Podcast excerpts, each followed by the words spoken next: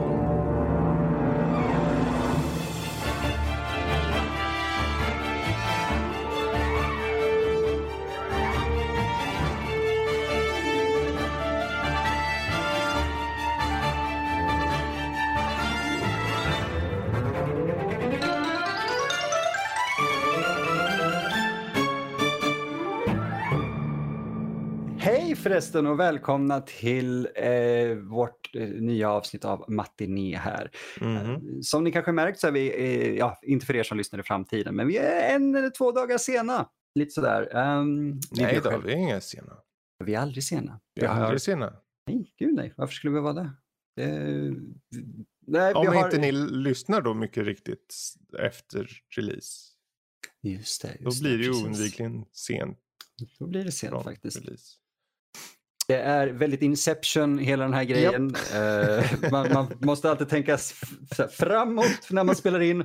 Vilket blev jätteförvirrande när vi började med eh, den lilla s- säsong tre av Kultpodden som snart Mm. kommer faktiskt. Vilket är nice. Eh, Ja, just det. ja. Jag Men- heter Fredrik. Ja, exakt. Du heter Fredrik, jag heter Emil och det här är ju självklart då Matiné. Eh, och eh, ja, det vi gör i Matiné helt enkelt är att vi tar en titt på lite större filmer kanske jämfört med vad Kultpodden gör exempelvis. Eh, Mm. Och vi har haft ett sju jäkla kul år än så länge tycker jag. Eh, Vi har tittat på en hel del intressanta filmer. Några så här stora erkända och några lite mindre erkända men fortfarande erkända filmer. Men idag kanske vi kommer prata om den, eh, vi, ja, inte kanske, vi kommer ju prata om den kanske längsta filmen vi har sett. Ja, precis. Kanske det ja. Precis. Jag tror det. Ja.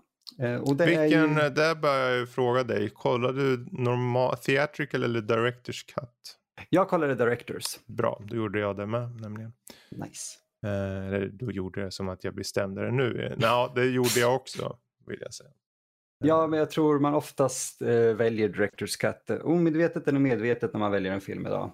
Mm. Eh, Det, det- känns som att man får den mer korrekta visionen eh, då. Precis, precis. Eh, Men det är ju Amadeus.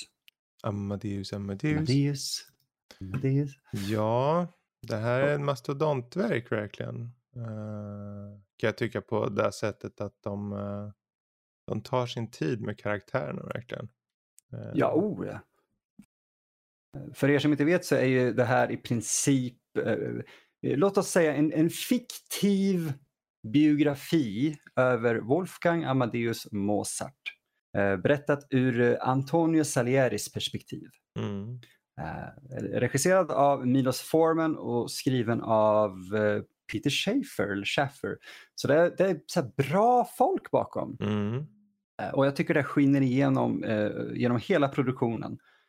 Eh, och som sagt, den är fiktiv. Man får komma ihåg den när man ser den för det är mycket eh, vanligtvis när man gör en, en, en eh, biopic eller en biografifilm är ju att man måste ta eh, händelser ur folks liv och lite så här, vi på när de sker och så där för att få det eh, i en tillfredsställande kontinuerlig historia. Här har de ju tagit höjdpunkterna delvis ur Mozarts eh, liv men de har lyckats hålla det. Det känns aldrig som att vi tar långa, stora hopp egentligen. Eh, Men den utspelar sig ändå under ett ganska lång period. Mm. Jo, verkligen. Eh, Och, och den har en väldigt down to earth handling egentligen om ett uppgång och fall och folk som inte ville att han skulle ha en uppgång. Mm. Så den är ju väldigt egentligen mustache twirling, eh, enkel med sina skurkar kan man väl säga. Men anledningarna till varför skurkarna, om man nu vill kalla dem det, eh, är som de är, är väldigt intressant. Ha, vad, vad, när såg du den här första gången? Ja, när kan det ha varit? Jag tror jag såg den relativt sent på det, alltså för mig då. Eh, jag kanske var runt 20 någonstans så det var väl början på 2000 där. Mm. Eh, som jag såg den. Eh, och eh, det är ju verkligen en film där, alltså just bara kostym och allt det här, de har ju gått all in verkligen på, på de här aspekterna. Jag kommer ihåg att jag då inte gillade den så mycket. Och nu när jag såg den så gillar jag den ännu mindre. Oj! Oj, intressant. Jag vet inte, jag tror jag problemet för mig är nog, och det här är ju till filmens fördel ändå kan jag säga på det sättet att jag gillar ju inte någon av karaktärerna. Nej.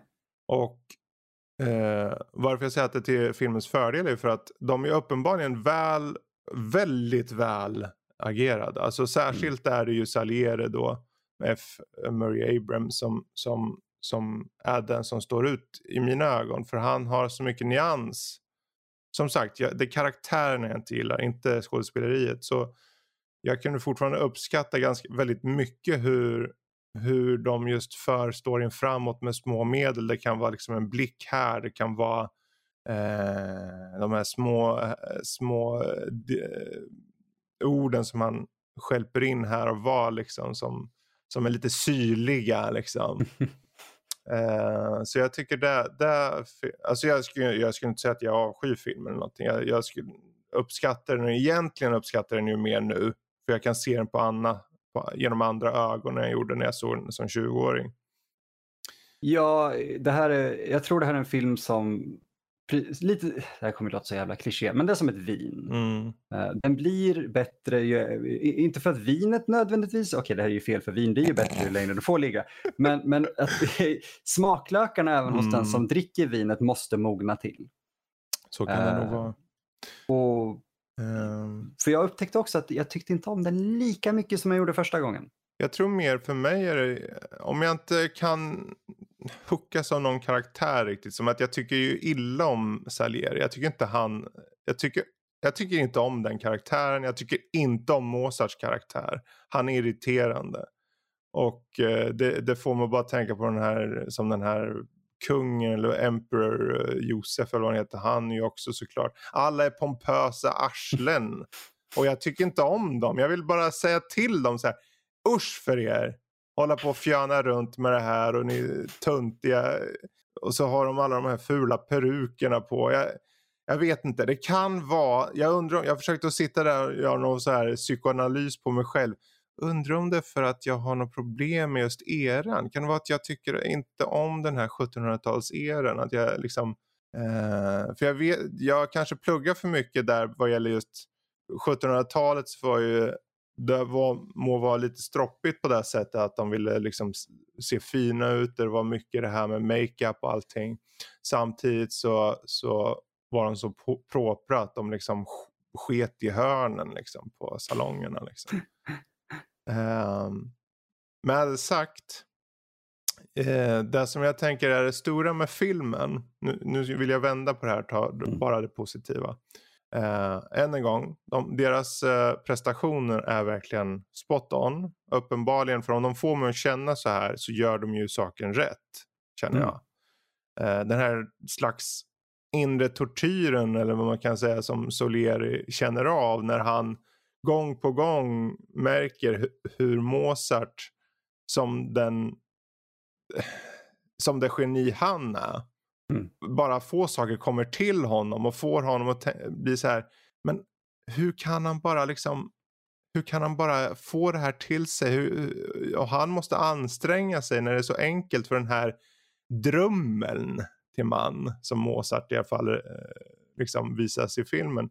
Men Mozart som, som person, han må vara en drömmel men, han, drömmel, men han har i alla fall, och det visas ju betydligt tydligare särskilt i slutet där, att mm. Eh, han har ändå ett hjärta medan eh, Salieri han har gått runt och var den här bittra gubben liksom bara känns det som. Och det har varit mycket så här saker som han kanske har satt i sitt eget huvud nästan mer än egentligen. Varför ska han hålla på och tänka på alla de här sakerna och jämföra sig hit och dit och så. Men han hade ju den där positionen som, vad var det, court...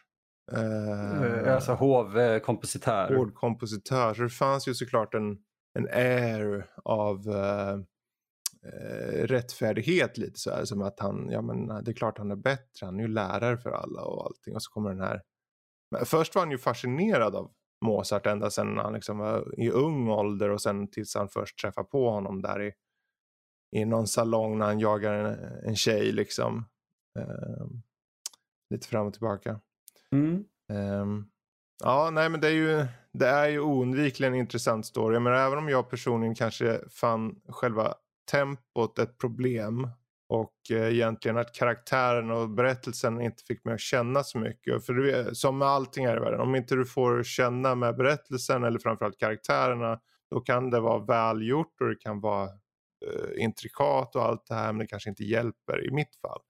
Men jag vill höra från dig då snarare, om vi tar det på, på din sida. För hur känner du inför just uh, berättelsen i sig då?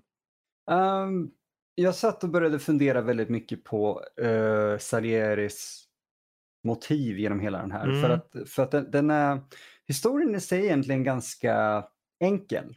Mm. Uh, och ja, den är ja, faktiskt den, den, är baserad på en, en gammal ett gammalt rykte som man egentligen inte vet om det stämmer eller inte, men antagligen inte på det viset vi har sett den idag i alla fall. Mm. Uh, och det är att Antonio Salieri ska ha förgiftat Mozart. Mm. Uh, och det här är någonting som dök upp i en pjäs, uh, typ jag vet inte när. Sex år efter Salieris död får jag fram här i alla fall. Okay. Jag var tvungen att skriva ner det. Uh, och det, det, har ju blivit etablerat i popkulturen och, och mm. även Schaefer hade ju med det i, eller Schäfer hade med det i, i det här manuset. Mm. Så det har ju mm. blivit lite eh, av en kulturgrej att vi, vi säger att Salieri mördade honom. Mm. Men, men det, är inte det, det, det, viktiga är inte där, för han ser inte, han ser inte Mozart. Han säger det redan i öppningen där. Mm-hmm. Att, att det, det är inte Mozart han ser, utan det är Gud mm. eh, som agerar genom den här eh, pojken. Exakt. Kan man säga. Eh, och, och, jag skrev, jag ska försöka summera det, för eh, det är just där hur, hur man kan beundra någon för att sedan inse att dennes framgång och ens egen otillräcklighet kan bli ens förfall mm. om man inte mm. lär sig att acceptera sina egna till, eh, kortakommanden. Exakt så. För att det kommer alltid finnas någon som är bättre än dig. Mm. Uh, oavsett vad man gör. Och det är någonting man måste lära sig acceptera och inte hänga upp hela sitt liv på. Mm. Uh, och här, problemet här är att här är allt Salieri hade och allt han ville. Han ville vara eh, en fantastisk kompositör men han blev klodd av, uh, av ett geni som, som är en lekfull dåre mm -hmm. som i princip inte uppskattar sin egen begåvning. Och, ja, alltså det, det, är så fascinerande tycker jag. Det där är ju verkligen, nu satte verkligen, det är kärnan i hela liksom, uh, berättelsen har du ju där verkligen. Alltså. Mm. Uh, ja, det är ju, alltså det är en sån här film som jag funderar mycket efter jag såg den nu. Och det, mina tankar kring det, jag fick ju någonstans försöka sätta, okej okay, vad tycker jag egentligen om, om det här och det hörde ni ju förut där. Mm. Men som hantverk och som framförallt diskussionsunderlag mm. så finns det väldigt mycket här. Uh, för den där, just det här med otillräckligheten och hos, en, hos en person, om du är en annan person eller dig själv, liksom, och du jämför med andra och du vill kanske, du har kanske ambitionen att vara bäst, att, uh, att bli bättre. Och sen så just det här, försöka acceptera att när du väl träffar på någon som i det här fallet då är Mozart, du kommer aldrig kunna. Du kommer aldrig egentligen kunna nå. För det är som på slutet, då, nu hoppar vi lite fram och tillbaka, mm. på slutet när Mozart ligger på sin, nej inte på dödsbädden utan det är, no, längre fram i alla fall, han hittar massor med eh, eh, Tjejen kommer ju med massor med olika eh, operetter och verk som Mozart har gjort och mm. visar för, för honom och han bläddrar igenom dem där och det är liksom hur är det här? hur, hur har han fått ut allt det här? Har han tänkt igenom helt klart i huvudet och sen bara antecknat? För allt var perfekt för mm. honom. Allt var perfekt. Och man märker det på slutet på ett sätt förvisso. I det att när eh, Mozart ligger till sängs, han är väl antagligen döende här då och mm. eh, eh Salier håller på och eh, eh, de håller på och skriver, är det en opera eller vad är det för någonting? Eh, Requiem. Ja. Det, det är döds... Eh, jag kommer inte ihåg vad den heter, men dödsmarschen. Mm. För det är liksom, han, han, ibland så säger Mozart, ja, men du, du måste ha den här här, den här ska ligga överst hela tiden, den här oktaven eller vad det är nu för någonting musikaliskt. Mm. Och, och, han berättar massor med saker och, och, och Salier hänger bara inte med. Han bara, mm. ja, ja, hur, jag fattar inte, hur kan du ha den här här? Det går ju inte. Hur, hur går det inte? Men sen förklara, alltså, och Mozart han är ju tre steg före hela tiden. I sig. Oh, ja. Och det är just den där genialiteten som är, det måste ju vara jobbigt, alltså inte bara jobbigt, det måste vara extremt jobbigt för någon som har satt upp sig själv på en pedestal kanske som, som Salieri hade där. Och sen så kommer den här och bara liksom, han är, han är en halv mil framför honom redan. Och, visserligen har han ju tränat sedan barnsbenen mm. och sådär Mozart, men, men geniet fanns ju där. Precis. Och, och då att se någon som är så lekfull när man själv jobbat så mm. hårt hela sitt liv, bara köra över allt man gör. Inte ens medvetet, Nej. utan bara, jag, jag gör bara det jag gör och problemet där är att jag gör det tydligen hundra gånger bättre än någon annan. Mm. Uh, de tar inte ens upp det egentligen, utan Mozart är bara Mozart. Ja, och jag älskar just det där du beskriver att han, uh, hur, när Salieri bläddrar igenom alla de här operetterna och allting och, och, och bara, men det här kan han ju inte ha suttit och jobbat på jättelänge. Han måste ju ha haft det här i huvudet hur, hur länge som helst och han har bara skrivit ner det. Och, jag satt hela tiden, jag, jag, jag, jag ryser inombords när, just det där i slutet när Mozart sjuk ligger där och beskriver och rör sig till så här, han, i princip, han ligger ju och dirigerar Salieri från sängen. Mm. Det är det han gör med sina fingrar där. Han, han dirigerar mm. och mhm. visar, där ska det där krafttaget vara. Här ska den där tonen vara och Salieri hänger inte med. Mm. Uh, och jag tycker den så fin kulme till, uh, inte, kanske inte så mycket för Salieri i sig, utan mer, för han är ju där för att sno det här. Ja, uh, men för publiken att inse att det här, i, inte bara Salieri utan även kanske för oss människor, någonting som vi väldigt sällan faktiskt accepterar, just våra egna tillkortakommanden är just det. Mm. Vi kan bara bli så bra kanske på någonting oavsett om vi har lagt 10 000 timmar på det. Det betyder inte att vi är dåliga. Nej, men precis. vi ska försöka. Alltså Salieri som kompositör enligt mig är, är lite blaha. Mm. Det är, så här, det, det, det, det är snyggt och det är lite pompöst och det är lite studsigt. Mozart är lekfull. Du kommer ihåg, de tar ju till och med upp det i ja, öppningen. Precis. Eh, för, för Salieri, eh, vi får ju se Salieri som 80-90-årig eh, gammal man eh, sitta och berätta hela den här historien för, för en präst. Och, och, innan de ens börjar prata ordentligt så börjar Salieri spela ett par stycken. Och först spelar han ett av sina, han, han säger att jag är, eh, var en av de mest respekterade i Wien att spela musik och så. Och så börjar han spela. Prästen säger, ah, nej det är fint men jag känner inte igen det. Ah, okay, ja. Sen så börjar han efter en stund spela, jag kommer inte ihåg vilken det är, men ett stycke av Mozart och prästen på en gång. Och då får man ju tänka på att det här är ju, utspelar sig på en tid då vi inte hade inspelningar. Mm. Men prästen på en gång, han börjar så här nynna efter. Och han kan den exakt. Och där etablerar de verkligen den här eh, det, det geniala med Mozart och hans lekfullhet och Precis. hur han visste precis var han skulle placera noter och toner. Vilket också är så genomgående genom hela filmen för folk börjar klaga, när de blir så desperata och börjar försöka nitpicka på, på hans mm. eh, verk. Det är för så, mycket det, noter, det är för mycket toner. It's too many notes och man ser Mozart så här, no, the notes, it's exactly as many notes as it has to be. Uh, och det, det, man, jag har själv stött på, inte liksom på den nivån, men när man visar upp någonting, det har vi nog alla gjort, man visar upp någonting som inte kanske är mm. 100% färdigt riktigt.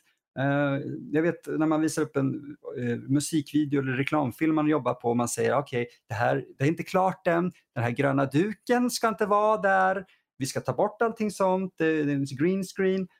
Och så visar man upp det och folk säger uh, det, det, är lite för mycket um, ja, det, är för mycket det, det, det är för lite effekter. Mm. Och man säger, vi är inte klara än. Man känner den här, du vet ju inte vad du bedömer. Och det är väldigt mycket den frustrationen som Mozart hela tiden får gå igenom. Eh, Precis. Mot, mot Jeffrey Jones som visserligen personligen är ett kräk idag. Mm, men han sitter väl i finkan va? Han sitter i finkan. Gör han. han har varit med i flera favoritfilmer som jag har, inklusive Ed Wood som också är en biopic. Eh, som jag älskar honom i. Men eh, han spelar härligt korkad och uppblåst här. Mm som, jag kommer inte ihåg vilken kejsare eller rent um, Ja, vad är det? Det är Josef den andra va? Precis, kejsar Josef den andra. Uh, och jag tycker han gör den rollen så fantastisk. För man ser hur han, han vet inte, han hänger inte riktigt med i vad som sägs. Och så har han alla de här hov, eh, hovfolket, vad vi ska säga. Mm. Han har kapellmästare och han har ju alla de här som kommer från olika delar av, av Europa och rekommenderar att nej, men en opera måste skrivas på, på, på, eh, på italienska. Bara, nej, nej, det ska skrivas på tyska. Och han själv är så här, jag har noll koll på vad som är bäst egentligen. Och han, eh, eh, han man, det, det, är så fantastiskt bara när Mozart på sätt och vis får den här eh, slöa regenten att faktiskt börja ta lite beslut eller inse själv att det här är ju, det är mycket bättre om vi gör som Mozart sa från början istället för att göra som alla andra har sagt. Eh, som, eh, de har ju, han har förbjudit ballett på operan. Precis. Eh, och det, det, det, ska inte vara någon ballett. Nej, nej okej. Okay. Och Mozart blir så här, men vad fan, vi har en hel ballett i Figaro som han också fick kämpa för. Och, vilket är en fantastisk scen där visar verkligen passion för vad han gör när, när han beskriver att Figaro det är ett harem, det är fruktansvärt eh, eh, tabu, men jag vill göra den och så får han göra den. Men balletten får inte vara där. Och så kommer kejsar Josef in där och så sätter han sig ner och tittar. Det är ingen musik. Och de skuttar runt. Och han säger, vad, vad är det här? Ja, det, de, de tog bort balletten som de hade förbjudit. Ja, men det ser ju jättedumt ut. Ta, ta, ta, ta, ta, ta, ta tillbaka balletten. Och så, så klipper de till föreställningen som en stor succé mitt i balletten och det är så snyggt. Uh, det, det, är väldigt många sådana tillfällen i den här filmen. Mm. Uh, som jag vet inte, jag blir så glad av dem. De är så upplyftande och så fort det går bra, trots att alla jobbar emot honom, uh, så, så, börjar de liksom försöka förstöra ännu mer för honom och det är så synd. Det är verkligen det är synd, men jag känner inte, jag känner inte jättemycket för Mozart. Nej. Det är weird, för jag, för jag älskar Tom Hals som Mozart. Jag gör verkligen det, men jag känner inte tillräckligt. Det är lustigt. Ja, alltså med tanke på att han är ju sekundär karaktär. Han är ju stor roll. Alltså det är ju han och Salieri det här liksom. Han är ju i princip uh... huvud, alltså huvudprotagonist. Mm. Men... just det här att man får hela tiden den här um Uh, alltså det är ju, du, du, ser ju alltid ur nästan Salieris perspektiv känns det som. Så att det blir, mm. han är ju karaktären som kommer in i berättelsen. Mer än att han är den som styr den på något sätt. Liksom.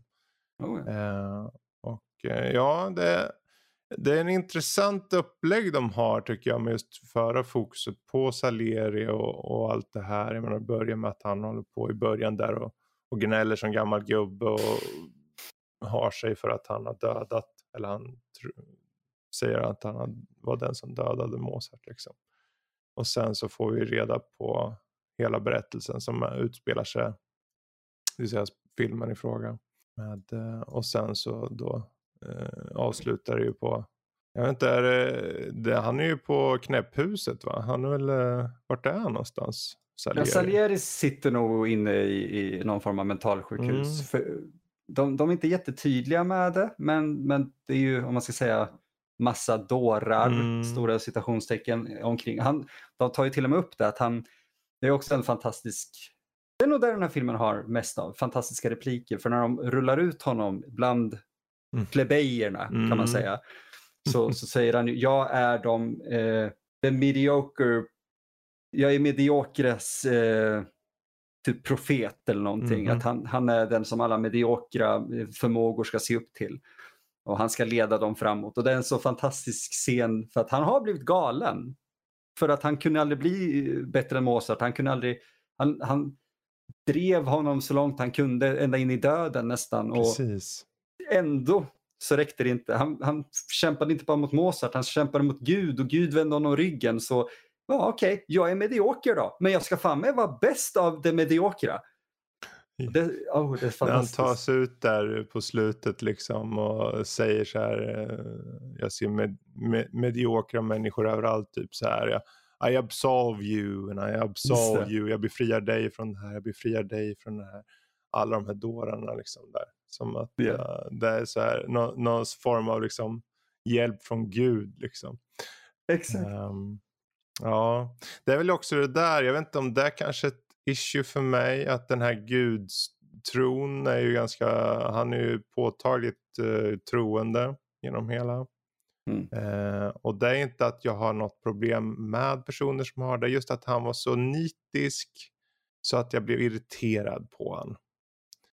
Eh, ja. Och eh, det är ju såklart, alltså det är ju lite som jag skulle inte säga att jag har något problem med till exempel scenen när någon tjej tar av sig kläderna där och helt plötsligt bara och han ringer efter en klocka så kommer Men han är ju någon form av celibat liksom och så. Ja, han har ju försatt sig själv i ett celibat eh, för att uppnå, för, för att vara trogen mm. Gud, allting. Att ge all sin existens till Gud. För mig vart det ju mer jag såg allt det här så blev det bara så tydligt hur, hur någon kan låta sig själv styras av vad de tror är någon högre liksom, kraft. När den här högre kraften uppenbarligen inte påverkar dig på något sätt. Alltså att den inte existerar liksom. För att han må göra ditten och datten men det, allt det är ju bara slump liksom. Att det, mm. Vad hjälper det om han liksom håller på och, och undviker att vara med kvinnor eller eh, att han när han växer upp liksom han gör så gott han kan. Men det kan du, du, behöver, du kan ju göra så gott du kan även utan Gud. Oh, liksom. Så allt som han, och sen när han då får det här problemet med Mozart, enligt honom problemet, då blir det som ett test helt plötsligt. Då, då, då ska Gud testa honom här nu eller någonting. Ja, han ser ju det precis. Första gången där när han känner sig hotad så tar han upp det som ett, mm. ett test. Och allt det där liksom för mig kulminerar bara i att han blir mer och mer. Jag förstår att han sitter på dårhuset. Inte kanske just för den här gudstron men för att han är så nitisk i allting. Att han, mm. han måste liksom. Han måste bli bättre eller han måste ses som bättre liksom. Um, och sånt, mm. ja. För Mozart tar ju till och med, det första han gör när de träffas är att förbättra ett verk av Salieri. Mm -hmm på, på typ två sekunder eller vad det är. de frågar, äh, det här är en gåva till dig, säger de till Mozart. Ja, just det. Eh, Salieri har skrivit den här, det är en gåva till dig. Ja, nej, nej, ni kan behålla den, jag, jag, jag kan den. Mm. Ja, jag har hört den en, eller du har hört den en gång. Ja, ja, ja jag, kan, jag kan spela den, jag kan till och med göra den lite, lite bättre. Och då börjar han ju slänga in fler noter. Mm. Uh, men, men så gör han den bättre. Uh, och men jag tror det, det, är en intressant poäng du lyfter fram där ändå för jag tycker det här är ju verkligen en, en historia om ett uppgång och fall och inte bara för Mozart utan för uh, Salieri ja, också. Verkligen. Just för att äh, även idag, jag tänkte säga det, att ja, men då hade man ju väldigt mycket, det var ju tro man fick förlita sig på.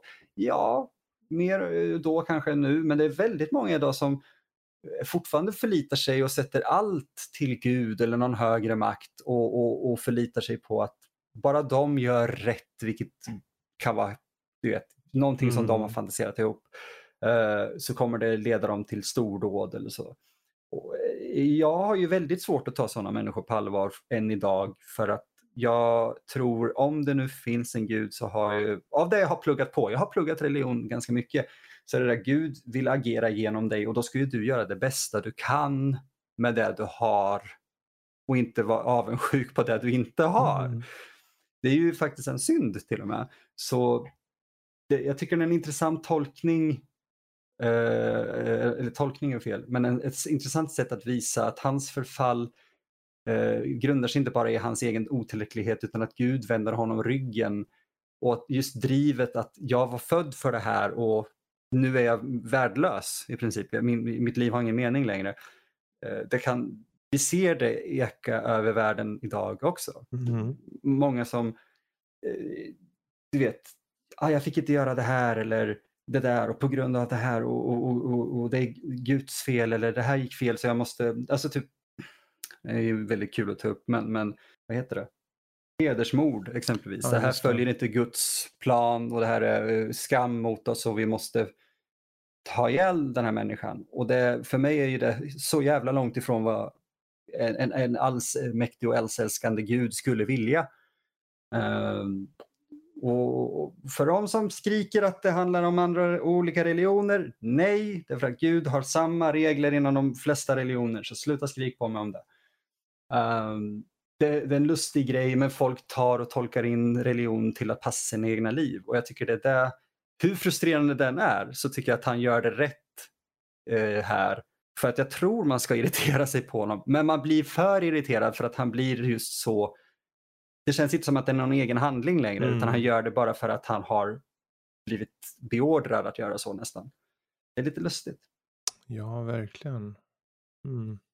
Men det är lite religion mot det här fria har vi ju. Vi har Salieri som Mm. är from och strikt, och sen, eller ja, from och from, men strikt. Sen har vi Mozart som är det här lekfulla, jagar kvinnor under bord i princip, fast han fortfarande är en, en vänlig själ. Mm. Ska den här fria, vänliga själen verkligen ha samma rätt till himlen och eh, geni som någon som är from och gudstroende har? Precis, som nu liksom Salieri har ägnat så mycket tid och gett så mycket till, den, till sin gud. Här kommer någon som inte alls ger lika mycket till gud men ändå får så mycket mer liksom. Mm. Ja, jag tror de till och med har några repliker om. Mm. det. Ja, alltså jag tror för mig så vart det, ju mer jag såg den så blev eh, Salieri mer och mer den här mustasch snurla, snurrande Mm. boven bara nästan. Eh, Men eh, jag tror att det, det, det stora med filmen är just att lyckas försätta dig i den här tiden, i den här känslan, i de här perukerna, i, i just eh, den här helheten av att det verkligen känns som 1700-talet. Mm. Eh, Språkmässigt och, och kastmässigt, allting Mm. känns väldigt Precis. korrekt. Ja, språkmässigt, alla pratar ju så här amerikanska vissa, men, Ja, jo, men visserligen. det är alltså sure. Men eh, det är klart, det här var ju gjort, vad är det, 84 den gjord typ? Eh, 84. Och eh, samma år som första Terminator, där ser man. Ehm, Nej. Samma budget. Samma budget, Anja. Kanske Mm. inte. Men det är just de här kostymerna och sånt, det är ju väldigt, alltså de har gått all in och de har ju miljöerna och det känns inte som, det, jag skulle nästan tippa på att de har varit på plats på många ställen eller någonting. För Jag det tror känns, jag kan ju inte svära på det, men det känns så väldigt genuina miljöer. Eh, känns äkta. Precis, och jag vet en stor del av det, jag har faktiskt en teori om det, Mm. det var kul att du tog upp det. Eh, för jag, såg nämligen, uh, jag, väldigt snabb koppling till varför jag tänker så. Det, det att jag såg nämligen eh, Akira, Guds vrede Mm. av Herzog för eh, ett par dagar sedan. Mm. Eh, Jag hade inte sett den på många år, men jag hade läst lite om den innan och jag insåg då att herregud, de filmar ju delar av det här i Machu Picchu. Ja, just det. De visar ingenting av staden, det som alla känner till som Machu Picchu. Men öppningsscenen är filmad på ett berg som ligger precis bredvid eh, de här ruinerna, man ska säga. Mm. Eh, Men han ville fokusera på känslan som fanns där. Mm. Inte på att, åh, titta, vi har filmat här. Och jag tror, jag får, jag får samma känsla med Mos, eller Amadeus. Att de har, de har all den här miljön. Mm. Men de, det, det är aldrig de här, du vet, enormt vida vinklarna som visar upp, åh, titta här vad vi har. Eh, Förutom de få tillfällen där vi bör ha det så, vilket är vid varje operas öppning. Mhm. Precis. Då blåser de på vidvinkeln för att vi ska se storheten. För det är inte platsen som är stor, det är verket. Mm. Eh, De, de använder kamera och, och vinklar och allting väldigt väl i den här för att berätta någonting. Mm. Och just de scenerna tycker jag är så fantastiska. Eh, Kameraarbetet överlag är ju verkligen spot on. Alltså det är ju eh, ett fantastiskt arbete. För jag menar, precis som att själva liksom, tidsperioden är så här överdådig och fin så tycker jag att det, det, kamerafotot är inte överdådigt men det är väldigt, väldigt välgjort. Känns som att de, jag menar, att de är på plats i operahus där Mozart, den riktiga Mozart själv var och dirigerade Mm. eh, till att de har lagt enorma pengar på just kostym och liknande. Och, eh, det gör ju att man får känslan mycket riktigt av att eh, det här känns äkta. Liksom. Ja, jag, jag kollade lite snabbt faktiskt för jag blev nyfiken. Mm. Eh, och det, det står det att endast fyra eh, kulisser behövde byggas. Okej. Ehm, det är eh, hans eh, sjukhusrum, Mm. Salieris sjukhusrum. Eh, Mozarts lägenhet uppenbarligen. Eh, en, eh, en trappa och eh, vad ska man säga, vaudeville. Ja, hur, hur förklarar man det Fredrik? Farsteater, Ja. tidig fars kan man säga Precis. för er som inte vet. Och i merparten av alla andra platser fann de lokalt, Mm. eller vad man ska säga. För, och Wien, de, de filmade inte i Wien, de var inte på plats så, Men de filmade i Prag. Mm. För att det hade fortfarande på grund av eh, det kommunistiska styret där eh, som de hade haft hade inte utvecklats framåt så Mm. snabbt så att det fanns inte så mycket asfalt eller plast eller någonting så stan kunde se ut som eh, eh, Wien ganska tidstroget. Precis. Så de har ju varit väldigt, eh, väldigt noggranna med hur saker och ting ska se ut. Och eh, jag uppskattar det. Det Mm. blir inte jättemycket, vad heter det? Som när vi pratar Braveheart, det blir inte så mycket anakronism. Ja, det precis. heter? Anakronism. Ehm, ja, nej, men det, det, det är verkligen välgjort. Och jag tänker, en, kul fakta är att jag menar, den här rollen som To- Tom Hulk har, alltså som Mozart. eh, den rollen auditionas, auditionades även av Tim Curry och Mar- Mark Hamill. När det begav sig. Wow! Eh, Ingen av dem hade passat. Ändå så, jag tänker, för båda de gjorde audition för Mozart och spelade Mozart på Broadway. Wow! Jag kan se Curry på Broadway, Mm. men jag kan inte se Hamill som Mozart. Nej, det, jag tycker det var en liten intressant grej där. Jag menar, det, det skulle ju verkligen på många sätt ha färgat filmen beroende på. Alltså Tim Curry var ganska, jag skulle inte säga att han var okänd kanske, men han var, Det var en kultfigur. han var en kultfigur och lika som Mark Hamill. Men Mark Hamill var aldrig känd för skådespeleriet, mig Mm. veterligen. I alla fall inte sett i film. Eh, så det, det hade ju tagit kanske en helt annan vändning och då kanske filmen inte hade varit lika bra. Eller kanske varit bättre. Man vet ju aldrig och man kommer aldrig få reda på det. Men eh, det är en intressant fakta ändå. Ja, men det är en intressant grej just för att Tom Hulce har inte gjort så mycket mer efter det som är känt. egentligen. Nej. Det är, för mig Men- tänker jag på Ringar i Notre Dame bara tror jag. Det var exakt, det var endast den jag tänkte på att den kan vara typ värd att ta upp. Ja. För att han sjunger som Quasimodo, eller han är Quasimodo. precis, precis. Eh, intressant. Sen, vi har ju varit på, vi har ju nuddat vid Amadeus tidigare på sätt och vis. När vi pratade Last Action Hero. Ja, gud. Där eh, den unga killen säger till, för F. Murray Abraham spelar bad guy den. Och han liksom, ja men det är ju han. han det var ju han som Vilken- dödade Mozart. Och. Arn bara, who? Mozart? I don't know en Mozart. Liksom, och sånt där. Ehm, och där, men det är mycket referenser i och med att det är en filmvärld och allt det där som utspelar sig. Mm. Gå tillbaka och lyssna Men på det ett avsnitt, jättekul avsnitt. Ehm, Det är kul.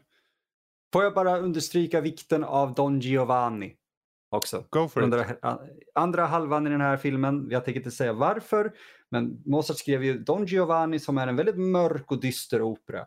Den Mm. eh, speglar extremt mycket av vad som pågick enligt filmen här då i hans liv under den perioden och sen börjar den eh, flyta in i hans egna liv och som leder honom mer och mer till hans fördärv. Mm. Och jag tycker just det, den delen vill jag inte att vi skulle bara glömma bort. Absolut inte. För hur hans konst med lite fuleri och tricks börjar ta över hans liv eh, mer och mer Mm. också. Så ja, eh, om, jag, jag vet inte, det kändes som att vi höll på att avrunda lite grann, jag vet inte. Ja, kanske det. Alltså, det, det är ju en, det är märkligt. Någonstans si- sitter jag och tänker, men hur kan vi inte säga mer med en film som är så lång? så För- stor för att- liksom. Men eh, det- Därför, vi skulle kunna, men, men vi skulle också kunna göra ett maratonavsnitt då, där vi har forskat ännu Mm. mer om Mozart själv. mm, tagit reda på vad är det som stämmer och inte. Eh, det är inte riktigt det jag tycker att de här avsnitten är för. Nej. Eh, nej, precis. utan det är ju mer filmen i sig Mm, och, våra intryck. legenden. Ja. Precis.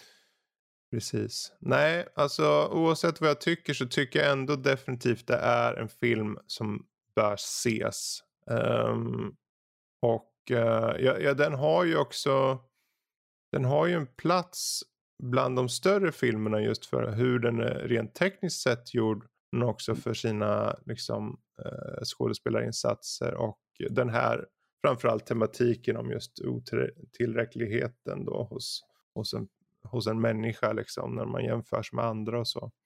Det Jag tycker den är det mest intressanta. Mm. Så jag, jag kan inte annat än säga att eh, ni, bör, eh, ni bör titta på den. Mm. Regisserad av Milos Forman kanske vi inte har sagt. Så det är också så här en anledning till att se den. En Mm. sån här stor regissörs eh, mindre lyckade film kanske vi ska säga för att den, den kom inte ens upp i topp fem box office när den kom ut. Ja, så kanske det var ja. Mm. Men den är numera efter, eller sen förra året faktiskt invald i United States National Film Registry Mhm. eh, by the Lib- Library of Congress, alltså filmer som, eller all form av kultur som anses vara kulturellt eller historiskt eller eh, estetiskt eh, tilltalande Mm. eller viktigt sparas där och jag är väldigt glad att den här är sparad där. Precis. Ja, men då så. Där har vi det. Eh, Amadeus, din här mumsfilm. Då ska vi se. Då är det dags för den eh, ökända. Den eh, Ja. vedertagna. Filmsnurran. Ja, Ja, det är bra att du ger en sån. Yay! Så här, vi har då en eh, mängd filmer i den här. Jag tänker inte gå igenom dem utan jag snurrar bara på hjulet så ser vi vad det blir nästa månad. Och där går den igång. Ba, ba, ba, Nu ska vi se här, nu kommer den ner, nu kommer den landa här på... Pattern. Åh! Så det blir en biopic då alltså. En till? Mm, Mer korrekt kanske? kanske. Den är Nu- mer nu måste nutida jag- så det borde vara mer lätt kanske att få till den. Eh, Ja, nu måste jag intressant. Är du nöjd med den? Jag är nöjd med Mm. den. Bra. Då så. Ehm, då vill jag egentligen bara tacka er som har lyssnat. Ja, stort ja, tack. och jag vill tacka Emil för att han är söt. Ja. Och så får vi tacka Mozart för att han dog. Ah. Och så får vi tacka Salieri för att han är en mustache twirling bastard. Det är allt han kommer vara känd för. Ja, ja. Men eh, tills nästa månad, ha det bra där ute och ta hand om er. Hej då. Hej då!